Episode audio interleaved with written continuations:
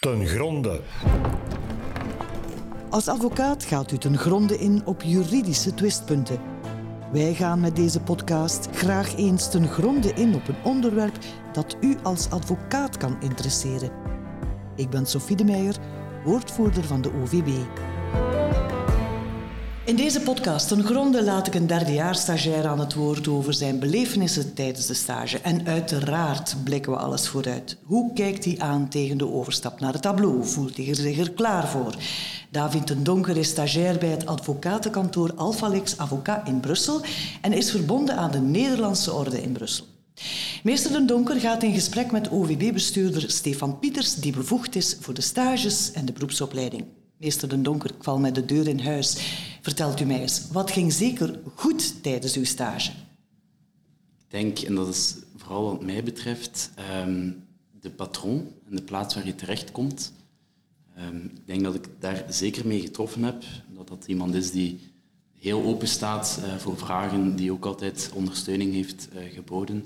Niet alleen op professioneel vlak, maar ook uh, persoonlijk daar was. En ik denk dat dat als stagiair heel belangrijk is. Wie is uw patroon? Dat is meester Buissere. Um, en ik denk dat het heel belangrijk is om ook iemand te hebben die zeker die eerste maanden persoonlijk voor u klaar staat, want er komt enorm veel op u af als jonge stagiair. Er zijn heel veel zaken, alles is nieuw. Komt juist uit die universiteit die puur theoretisch is, bijna als ik het zo mag zeggen. En plots word je geconfronteerd met zittingen, echte dossiers, echte menselijke contacten. Dan denk je dat het heel goed is dat er iemand is die daar klaar staat, zowel voor professionele vragen, maar ook achteraf en die even kan terugkoppelen met u of na uw dag kan, kan vragen van oké, hoe is het verlopen en hoe gaat het? En dat daar een gesprek kan plaatsvinden. Dus ik denk voor mij dat dat een van de belangrijkste um, punten was die zeer, zeer goed gingen en een grote impact hebben gehad op mijn stage. Dus met andere woorden, als ik het goed begrijp, met al uw vragen om het even wat kon u bij uw patroon terecht? Ja, ik denk dat, en, en ook bij de, de, andere personen op kantoor, we hebben een heel open uh, sfeer en dat heeft echt wel, en ik merk dat bij andere stagiairs waar het meer gesloten is, die dan met anderen die met vragen blijven zitten, die dan uh, gaan onderling gaan, kijken van ja, dit en dat, waarvan ik denk, oké, ik heb dat gelukkig uh, een antwoord gevonden uh, binnenshuis, als ik het zo mag noemen. En dat zorgt ook voor een zekere geruststelling. Hè, want niet alles loopt altijd direct zoals het moet als stagiair. Ik denk dat iedereen af en toe eens heel hard met zijn hoofd tegen de muur loopt. Ik denk dat dat normaal is. Maar als we dan daar makkelijk over kunnen terugkoppelen, dan is dat de geruststelling, maar zo leer je ook. Dus ik denk dat wat mij betreft dat het belangrijkste punt was voor mijn stage, waarvan ik zeg, oké, okay, dat is echt wel uh, goed geweest. Ik hoor u zeggen, er loopt wel alles iets fout als stagiair. Wat ging bij u dan bijvoorbeeld niet goed of minder goed?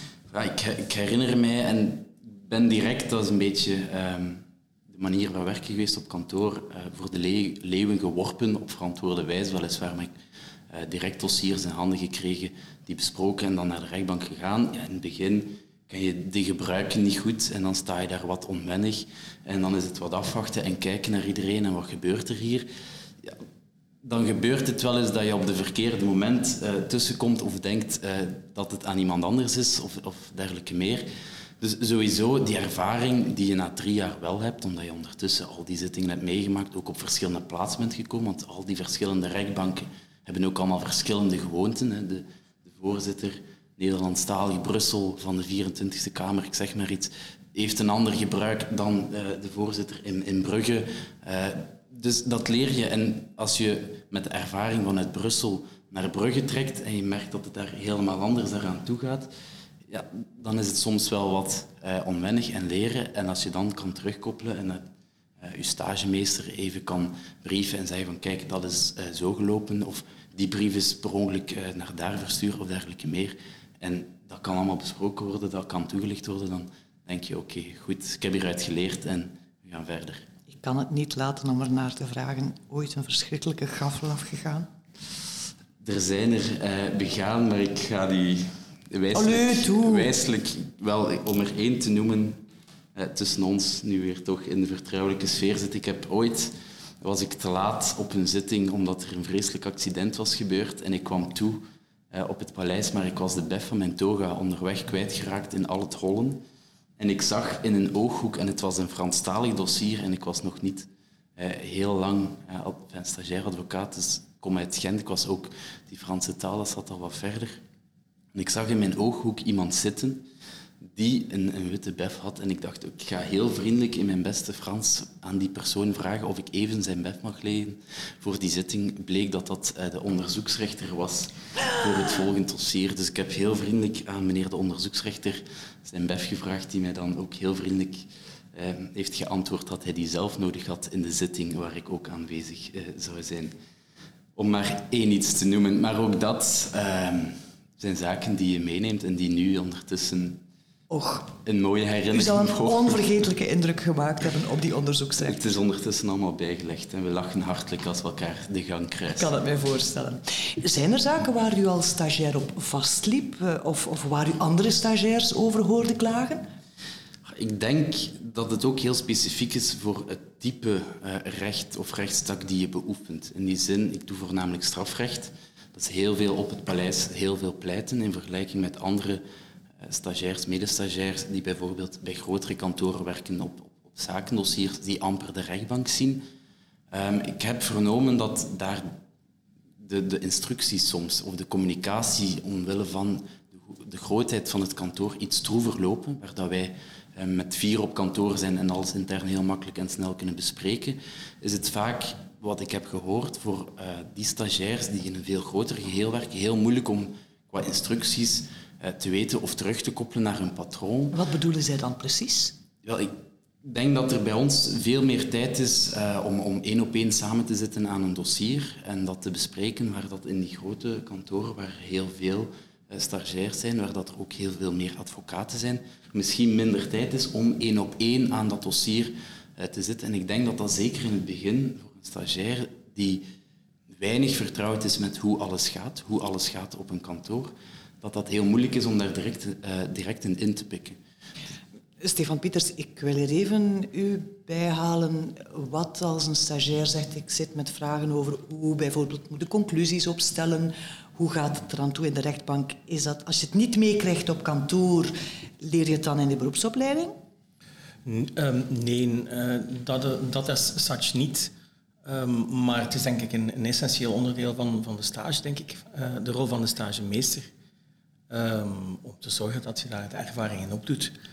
Um, spijtig genoeg zijn er wel nog altijd gevallen jaarlijks waar mensen die, die mooie ervaring die jij hebt gehad. En ik ken u stagemeester. Ik, uh, ik hoor graag dat, uh, dat het bij jou zeer goed is gegaan.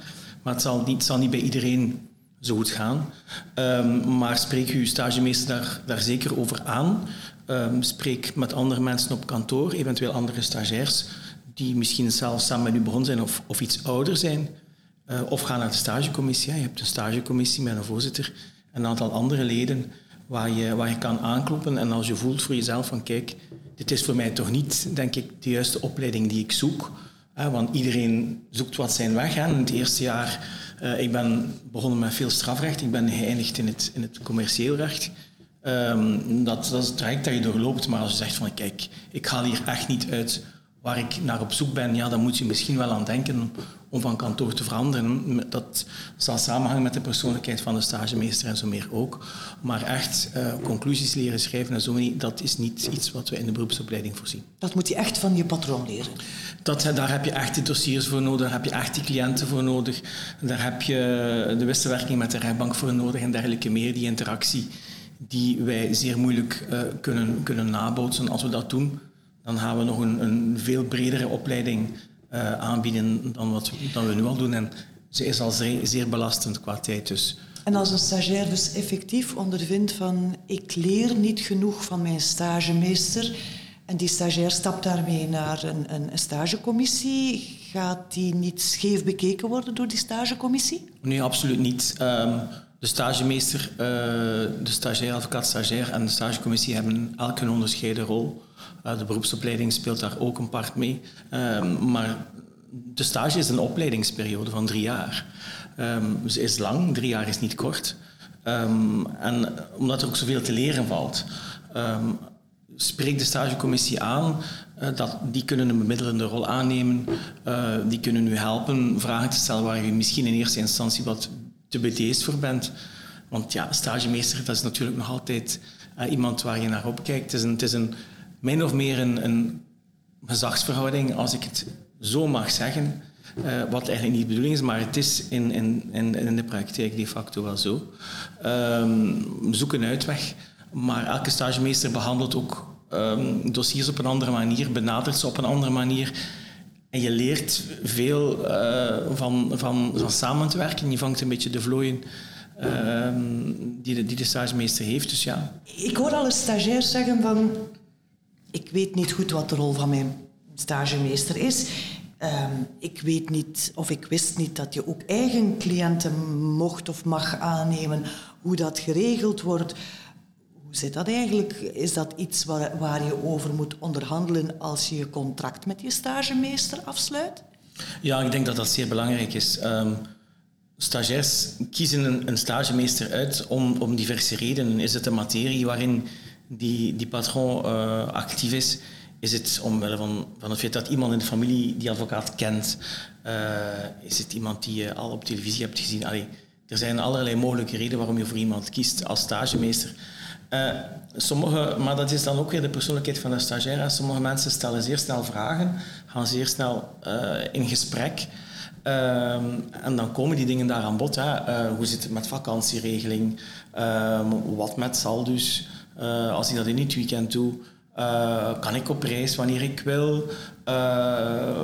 hoe, hoe laat word ik verwacht? Hoeveel uur word ik op kantoor verwacht? Ja, waar mag ik allemaal naartoe? Ja, dat zijn wel vragen die je moet stellen. Hè. Uh, kan je daarover onderhandelen? Ja, moet het dan toch wel... Als er een andere visie is, dan denk ik dat je dat ook moet doen. Maar stel vooral heel veel vragen voordat je dat contract ondertekent. Het is uiteindelijk wel wat uw beroep zal zijn. Hè. Dat is een stukje uh, advocaat zijn. dus voor je die krabbel zet, zorg dat je comfortabel voelt. Dat je zegt van oké, ik zit hier goed. Ik heb hier toch wel een antwoord, gekregen op alle vragen die ik heb. Um, en, en er dan mee in zee, als je daar goed bij voelt. En anders, ja, zoek, zoek een andere stagemeester. Het, is, het is niet zo van, het is te nemen of te laten. Zorg dat je kan bij een kantoor terechtkomt waar je je goed bij voelt. Waar de stagemeester ook datzelfde gevoel heeft met jou. En zegt van, ja, kijk, met jou zie ik het ook goed zitten. Ik hoor u daarnet zeggen van, ja, sommige stagiairs gaan misschien een advocaat hebben in de familie of in de vriendenkring. Die zijn dan al wat beter op de hoogte van hoe het reilt en zeilt. Anderen komen uit een totaal ander milieu en zijn dan, weten dan echt niet hoe ze als rechtenstudent dat moeten aanpakken. Ligt daar een taak weg voor de OVB om, om hen wat uitleg te geven over wat houdt het zelfstandige statuut in? Uh, wat zijn de opstartkosten? Of, of ziet u dat anders? We hebben daar een, een welkomstboek voor de advocaat-stagiair.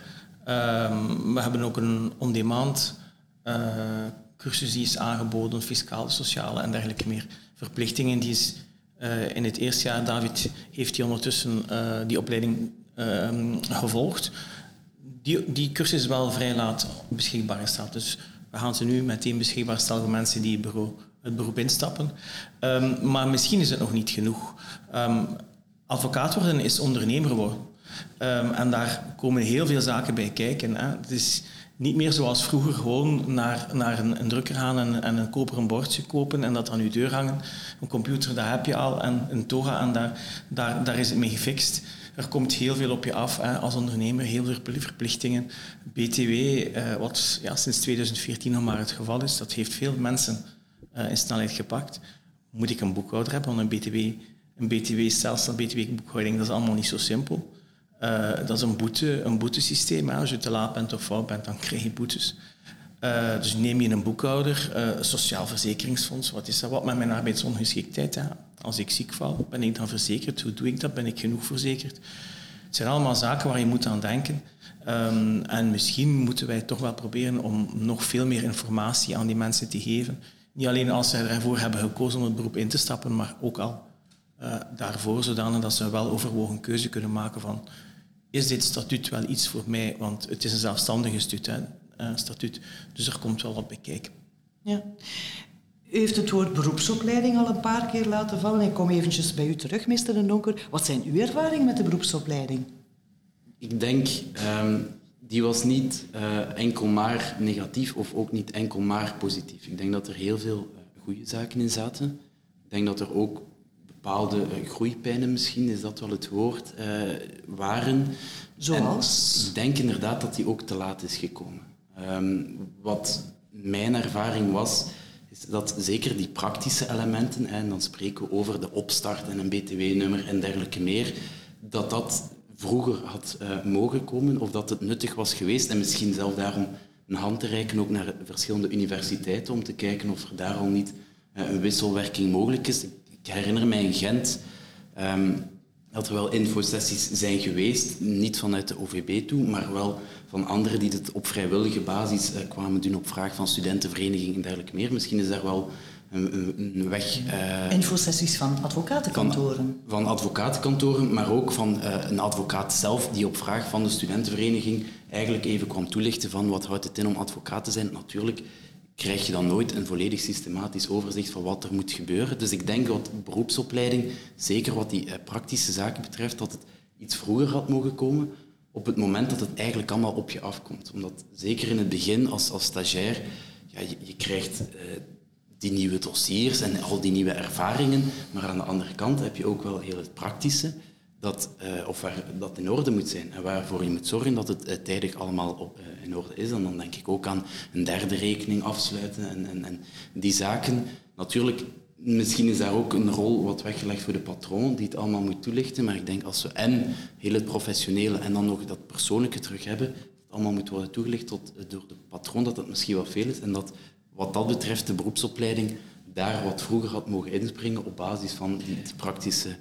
Meester Pieters, de beroepsopleiding werd vorig jaar geëvalueerd. Zijn dat dingen die daar dan in naar voren kwamen, de dingen die meester De Donker nu zegt?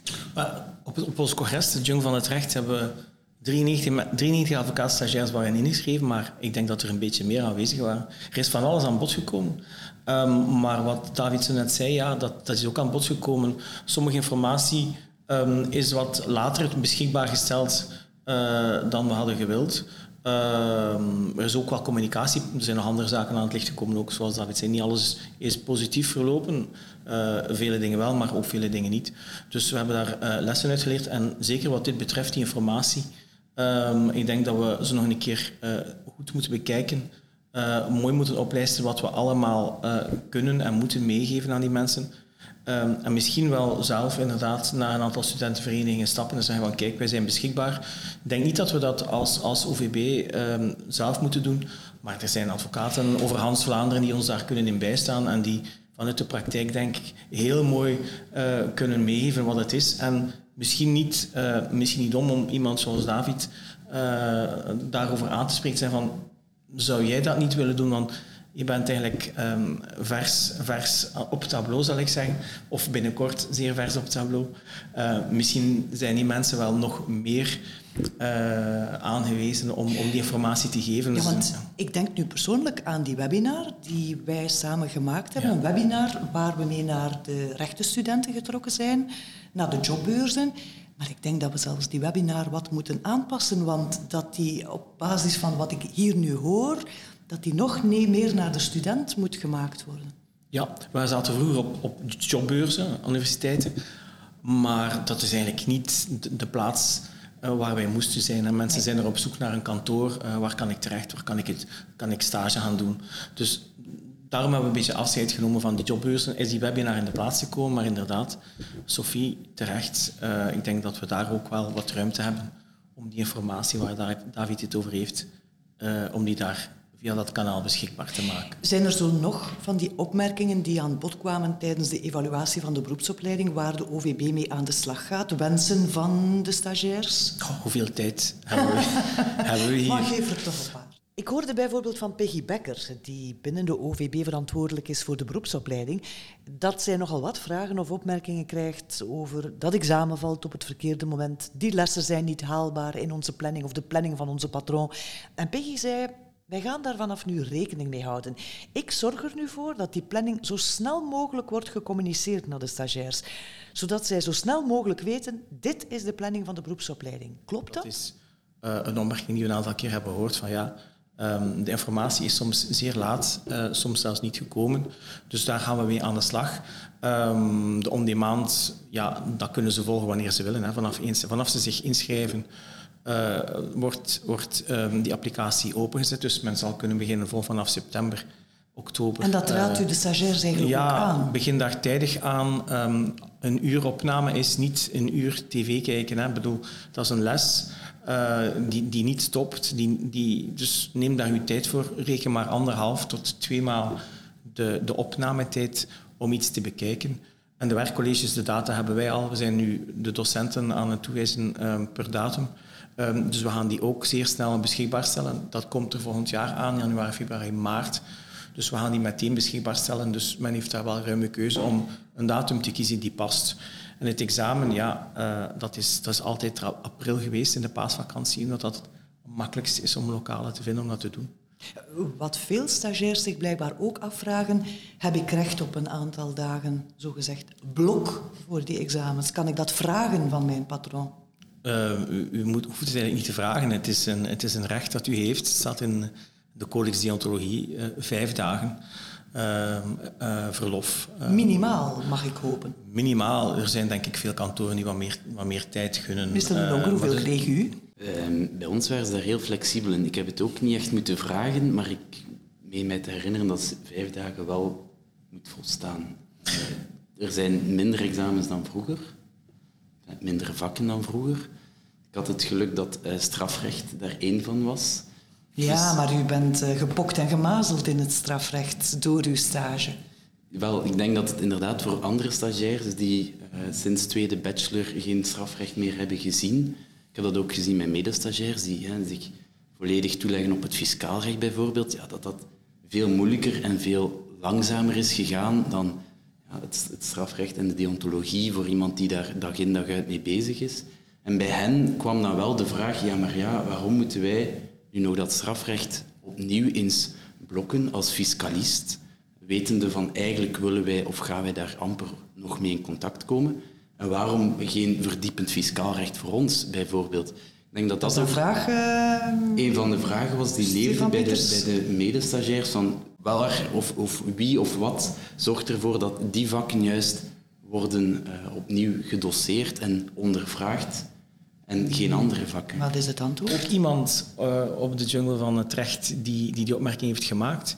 Uh, dan moeten we wel een heel breed scala van, van onderwerpen gaan aanbieden. Uh, ja, iemand die fiscaal wil doen, iemand die zegt van ja, ik ga eigenlijk enkel actief zijn bij het opstellen van aandeelhoudersovereenkomsten en betwistingen daarover. Iemand anders zal zeggen, ik ga mij echt storten op het huwelijksvermogensrecht. Als we daar allemaal opleidingen moeten voorzien om die mensen op te leiden tot specialist, ja, dan, dan denk ik niet dat wij daar iets van gaan bakken. Dat is iets wat de universiteit ook niet doet. Um, je, moet, je moet daarvoor echt in de praktijk, denk ik, een hele goede keuze maken. Qua stagemeester kijken, ja, dat is iets wat mij interesseert, fiscaal recht, waar kan ik terecht? Um, en daar de kennis... De finistes moet je eigenlijk... Die finistes moet je dan een beetje in een beroep gaan opdoen. En er ja. zijn natuurlijk nog overal cursussen die je kan gaan volgen. Maar als we echt iedereen, uh, 600 mensen die het beroep mm -hmm. binnenstromen, elk jaar een volledig scala moeten aanbieden van allerlei mogelijke onderwerpen die hen interesseren en waarin ze actief willen zijn, dan denk ik dat de kwaliteit uh, onmogelijk uh, mm -hmm. die zal zijn die we zouden willen halen. Een vraag die ik graag aan u stel en die veel uh, toekomstige stagiairs zich afvragen, die examens, moet je daar eigenlijk schrik voor hebben? Nee, ik denk uh, eens je de vijf jaar bent gepasseerd aan de universiteit, dat het moeilijkste uh, zeker is gepasseerd en dat die examens ook niet onoverkomelijk zijn en ook niet moeilijker of meer schrikwekkend zijn dan de examens aan de universiteit. In die zin denk ik, en dat vond ik wel fijn aan die opleiding, het was al veel praktischer. Veel praktischer dan aan de universiteit, waar men echt de theorie eh, moet doseren. Ging het nu echt over, oké, okay, er moet iets betekend worden. Hoe, gaan we, hoe gaat dat in zijn werk? Of er moet beslag worden gelegd, hoe gaat dat in zijn werk? Um, en in die zin was het um, wel een verademing, als ik het woord mag gebruiken, om eens ook op die praktische wijze um, examens af te leggen. Maar dus geen zins is dat uh, iets onoverkomelijk of iets om, om schrik voor te hebben. Tegenstelling tot wat sommigen uh, er vooraf over mogen beweren of ook nog achteraf. Ik denk dat die heel in lijn van de verwachtingen lag en dat dat ook echt niet, uh, moeilijker was dan... U heeft het ook in de webinar al uitgelegd. Ook die slaagpercentages zitten vrij goed, hè? We zijn beter dan, dan vroeger, ja. Uh, vroeger zaten we, zo, zaten we rond de 15 à 18 procent die niet slaagden. Um, dat is gezakt naar 3, 4, 5 procent. Um, maar wat David zegt is ook wel juist. Heel veel mensen hebben wel heel veel stress voor die examens. Misschien onnodig, maar ja, het is eigen aan, aan, aan iemand uh, de manier waar, waarmee ze met zo'n situatie omgaan. Het is nog eens digitaal geweest, ook die examens. Bij u ook? Ja, met cameratoezicht. Dus dat is ook al niet zo fijn. Uh, dat brengt extra stress met zich mee. Maar ondanks dat zien wij dat die slaagpercentages inderdaad uh, verbeterd zijn. Ik zou toch denken um, of hopen dat dat uh, ligt aan de on-demand, waarbij echt zo kort mogelijk stilgestaan wordt bij de basics nog, de theoretische basics die je nodig hebt. En daarna die werkcolleges waar toch stilgestaan wordt uh, bij een aantal concrete praktische zaken. Um, en de examens zijn daar ook een beetje op geënt, hè, op wat daar aan bod is gekomen. Um, natuurlijk, bepaalde lesgevers gaan dit uh, accentueren, anderen dan weer iets anders. En dat kan dan misschien bij een bepaalde vraag op het examen een issue zijn waarbij je dan ja, achteraf commentaar krijgt van, maar ja, ik hoor van, van mijn vriendin die stage in Antwerpen en die de les heeft gevolgd bij meester X, dat hij dat veel beter heeft uitgelegd. Ja, en bij mij was het meester Y en die heeft daar maar echt even iets over gezegd. Maar dat zal je, denk ik, altijd wel een beetje hebben met lesgevers. Als je recht studeert aan, aan de KUL of je doet dat aan de UA of de UGent, als je daar een spraakleedsrecht krijgt, ja, afhankelijk van de prof, dat zal op een andere manier gegeven worden. Al andere bepaalde thema's zullen veel dieper uh, bestudeerd worden dan andere. Dus dat, dat zal je in die beroepsopleiding ook hebben. Maar als ik de, de, percentages van slagen zie, dan denk ik niet dat dat in de praktijk zoveel uitmaakt. Nog even over die examens. U zei die zijn digitaal. Blijft dat zo? Nu we misschien ook eindelijk corona achter ons kunnen laten? Wel, het, biedt, het biedt aardig wat voor, voordelen, zeker voor wat betreft de meerkeuzevragen. Uh, omdat die zeer snel verbeterd zijn natuurlijk door de, door de PC uh, of door, door de software. Uh, de vraag is, moet je die examens nog laten doorgaan van op een plaats die de advocaat-stagiair kiest? Of zeg je van, kijk, we gaan het centraal doen. Breng je computer mee of we stellen daar computers ter beschikking. En dan kan je daar doen in een aula. Uh, dat zou ook kunnen. Maar het biedt wel wat voordelen, ook naar leesbaarheid van de examens toe. Want handschriften tegenwoordig, die zijn niet meer wat ze waren. Dus, um, maar tot nu toe eigenlijk, um, verbazingwekkend genoeg, hebben we nog niet te veel uh, grote kritiek gekregen op dat digitaal gebeuren. Wat vindt u ervan, van die digitale examens? Um, dus wat dat online uh, examen betreft, vond ik het eigenlijk wel aangenaam. Ook omdat men kan het afnemen waar men wil. Um, en dat is dan misschien wel de enige moeilijkheid uh, die gepaard gaat met die examens en die dan samengaat met het online uh, invullen van die examens, is timing en alles gerund krijgen van het kantoor, professioneel gezien, qua agenda.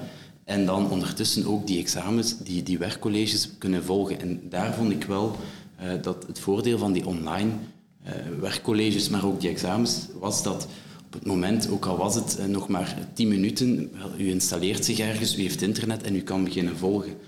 Um, ik herinner mij dat een van de opleidingen verplaatst zijn van Brussel naar Antwerpen door één groep. Ik was daarbij. Ja, dat is natuurlijk wel herplannen van, van die sessies, van die dag. Ja, men moet s'avonds terug nog naar Antwerpen, dan nog terug naar kantoor en dan nog naar huis. Dus het voordeel van het online gebeuren is natuurlijk men zit op kantoor of men is ergens uh, bezig aan het werk, men start en men kan, kan verder. Mm, ik wil daar even op inpikken. Um, hoeveel tijd kruipt er eigenlijk zo in, in de beroepsopleiding, de examens? Kunt u dat begroten? Goh, ik denk dat dat voor de verschillende uh, opleidingsonderdelen verschillend is. Hè. Er zijn bepaalde opleidingsonderdelen geweest waar geen examens uh, voor waren, maar dan papers. ik denk ook aan, aan de business game, waar dat er een paar volledige dagen moesten worden voorzien om daar aanwezig te zijn, dat neemt al direct veel tijd. Dat is niet per se intensief, als in, daar moet veel voor worden voorbereid. Voor de business game moest er wel wat werk worden verzet, maar dat is wel natuurlijk een volledige dag in de week die men kwijt is, als ik het zo oneerbiedig mag zeggen, maar die men natuurlijk, ja, als, ik heb het een paar keer gehad, dat er twee zittingen waren, dat moet verzet worden, dat moet gecommuniceerd worden rechters zijn niet altijd even happig of waren niet altijd even happig om daar rekening mee te houden, omdat ja, ook voor hen niet altijd makkelijk is om veel te gaan uitstellen. Dus dat was wel uh, intensief. De andere vakken, en dan denk ik vooral aan de examenvakken, vielen wel mee, vond ik. Na het bekijken van de lessen had men de werkcolleges. Ik vond niet dat er heel veel tijd... Uh, evident vraagt de tijd, men moet het bekijken, men moet het voorbereiden.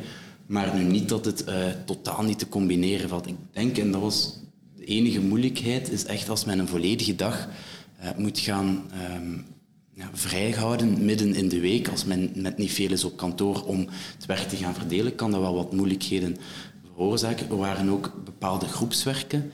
En dat was wel een van de moeilijkheden om dan af te stemmen met iedereen van uw groep, om een vrij moment te vinden om daar een uur, twee uur uh, die uh, elementen van, van die business game door te nemen, te bespreken. Dat vraagt tijd, dat vraagt wat organisatie. Maar qua tijd op zich valt het zeker te combineren. Ik kan er nu niet direct een aantal uren op plakken. U niet, maar is dat iets dat de OVB kan doen? Zo een begroting opmaken van kijk, reken voor dit vak ongeveer zoveel studietijd of zo? Of is dat onbegonnen werk? Uh, de business game waar David over sprak, die, ja, dat was een zeer controversieel uh, onderdeel van, van ondernemen, uh, het vak ondernemen. Um, dat hebben we uit het verplichte curriculum gehaald. Dus we gaan het wel nog aanbieden. Maar dan vrijwillige basis zijn mensen die wel uh, de tijd uh, ervoor willen maken. En dan ondernemen. En dat ging naar, naar een zevental dagen. Als je alles optelde, dat wordt nu teruggebracht, teruggebracht naar drieënhalf. Uh, en het eerste luik, ja, dat is de on-demand en de werkcolleges. dus wij kunnen daar wel een, wij kunnen dat wel kwantificeren, maar dat ook doen. Zorgen dat, dat, dat is ook iets nieuws dan, dat, dat, dat oplijsten van hoeveel uren het in beslag kan nemen? Ja, ja. Maar de on-demand zal een beetje afhangen van mensen, uh, ja. hoe ze het volgen. Hè. Je hebt, ja. Er zijn stagiairs geweest die zeggen, ik heb het drie keer bekeken, of ik bekeek het per, per tien minuten en ik nam notas, ik verleek met, met het mm -hmm. handboek. Dat is hoe je, hoe je, hoe je studeert. Je kan een indicatie geven van hoeveel tijd je erin zou Kunnen moeten steken. Ja, inderdaad. Okay, okay. Um, nog iets anders. Voor veel stagiairs is het niet echt duidelijk waarvoor ze bij de OVB terecht kunnen en waarvoor net niet. Kunt u dat nog eens goed schetsen? Voel je in elk geval niet, uh, niet te belabberd om ons te contacteren, mail, bel. Geen enkel probleem, we gaan u altijd een antwoord geven. Zit je bij ons aan het goede adres, dan gaan wij u uiteraard helpen. Uh, en anders sturen wij door waar je moet zijn. Ik denk dat wij als advocaat Um, als we al een tijdje bezig zijn, dat we heel veel dingen als vanzelfsprekend uh, aannemen. Hè? En uh, dat wij er eigenlijk niet bij stilstaan welke vragen allemaal leven bij mensen die net het beroep binnenstappen. Ja, ik heb vragen opgevraagd, om het zo te zeggen. En ik was ook verrast van de hoeveelheid vragen die we binnenkregen. Voor ons is een derde rekening, je hebt daar, daarnet, of David heeft derde rekening genoemd. Dat is voor ons vanzelfsprekend. Ja, gaan naar de bank, dus dat ook. Hè. Ja. Dat, is, maar dat is eigenlijk niet zo evident. Nee. Want voor hetzelfde geld zit je bij, bij een bank die dat product niet, niet geeft of niet echt kent. Dan moet je veranderen van bank. Uh, ja, dat is... Maar wij gaan ervan uit dat dat een evidentie is. Er is En nog werk aan de winkel, Stefan Pieters. er is nog werk aan. Maar er is altijd werk aan de winkel. Maar op dit vlak is er zeer zeker werk aan de winkel. Oké, meester De Donker, ik kom nog eens bij u terug voor de laatste vragen. Hoe kijkt u aan tegen uw overstap eh, naar het tableau? Voor mij persoonlijk is het eerder iets symbolisch, ik. Heb niet het gevoel, of niet meer het gevoel van ik ben puur stagiair en ik zal binnen een paar maanden, als ik op tableau sta, geen stagiair meer zijn. Ik denk, het is nog al elke dag soms uh, zoeken en kijken en leren. En als men in een zittingszaal uh, aanwezig is, ook als andere confraters uh, aan het pleiten zijn, is het luisteren en, en, en leren nog elke dag. Ik denk dat dat zal blijven en dat dat ook iets is dat moet blijven duren. Dus sowieso, wat voor mij die tableau juist uh, betekent, is niets meer dan oké, ik heb mijn uh, verplichtingen die van een stagiair worden verwacht, volbracht. En ik ben nu een ander statuut, maar meer dan dat is het ook niet. Zal nog inhoudelijk denk ik dat mijn takenpakket als advocaat zal veranderen, dan wel mijn relatie tot mijn patroon. Ik denk ook na mijn stageperiode zal dat mijn patroon blijven. Uh, ik denk niet, hè, vaak zegt men ja, ik ben stagiair af en ik ben nu volledig advocaat, zelfstandig. Sowieso is men zelfstandig, ook als stagiair. En aan de andere kant, men functioneert binnen bepaald kantoor binnen een uh, bepaalde context van je patroon, die toch nog altijd opleidt, die je toch nog altijd wel die ervaring heeft en die ook nog elke dag uh, zaken kan bijleren. Dus ik denk wat dat betreft is het vooral kwestie van uh, elke dag te blijven bijleren en daar ook voor open te staan, onafhankelijk of men nu nog stagiair is of niet. Ik hoor het al, u voelt er zich klaar voor, voor die overstap. Ik kijk er uh, naar uit. Fijn, zo horen we het graag. Veel succes bij uw verdere carrière, meester Donker, en bedankt voor uw tijd. En u, Stefan Pieters, natuurlijk ook bedankt voor de verhelderende informatie. Al kan ik me voorstellen, het is al aan bod gekomen dat beginnende stagiairs nog met duizend en één vragen zitten. Op veel vragen vinden zij al, u zei het zelf al, een antwoord in de stagegazet, in het welkomstboek. Maar daar blijft het niet bij. De Orde van Vlaamse Balies maakt er een eerzaak van om rechtenstudenten zo goed mogelijk te helpen bij een opstart als advocaat. Mag ik dat als conclusie nemen? Mag dat zeker eh, als conclusie nemen.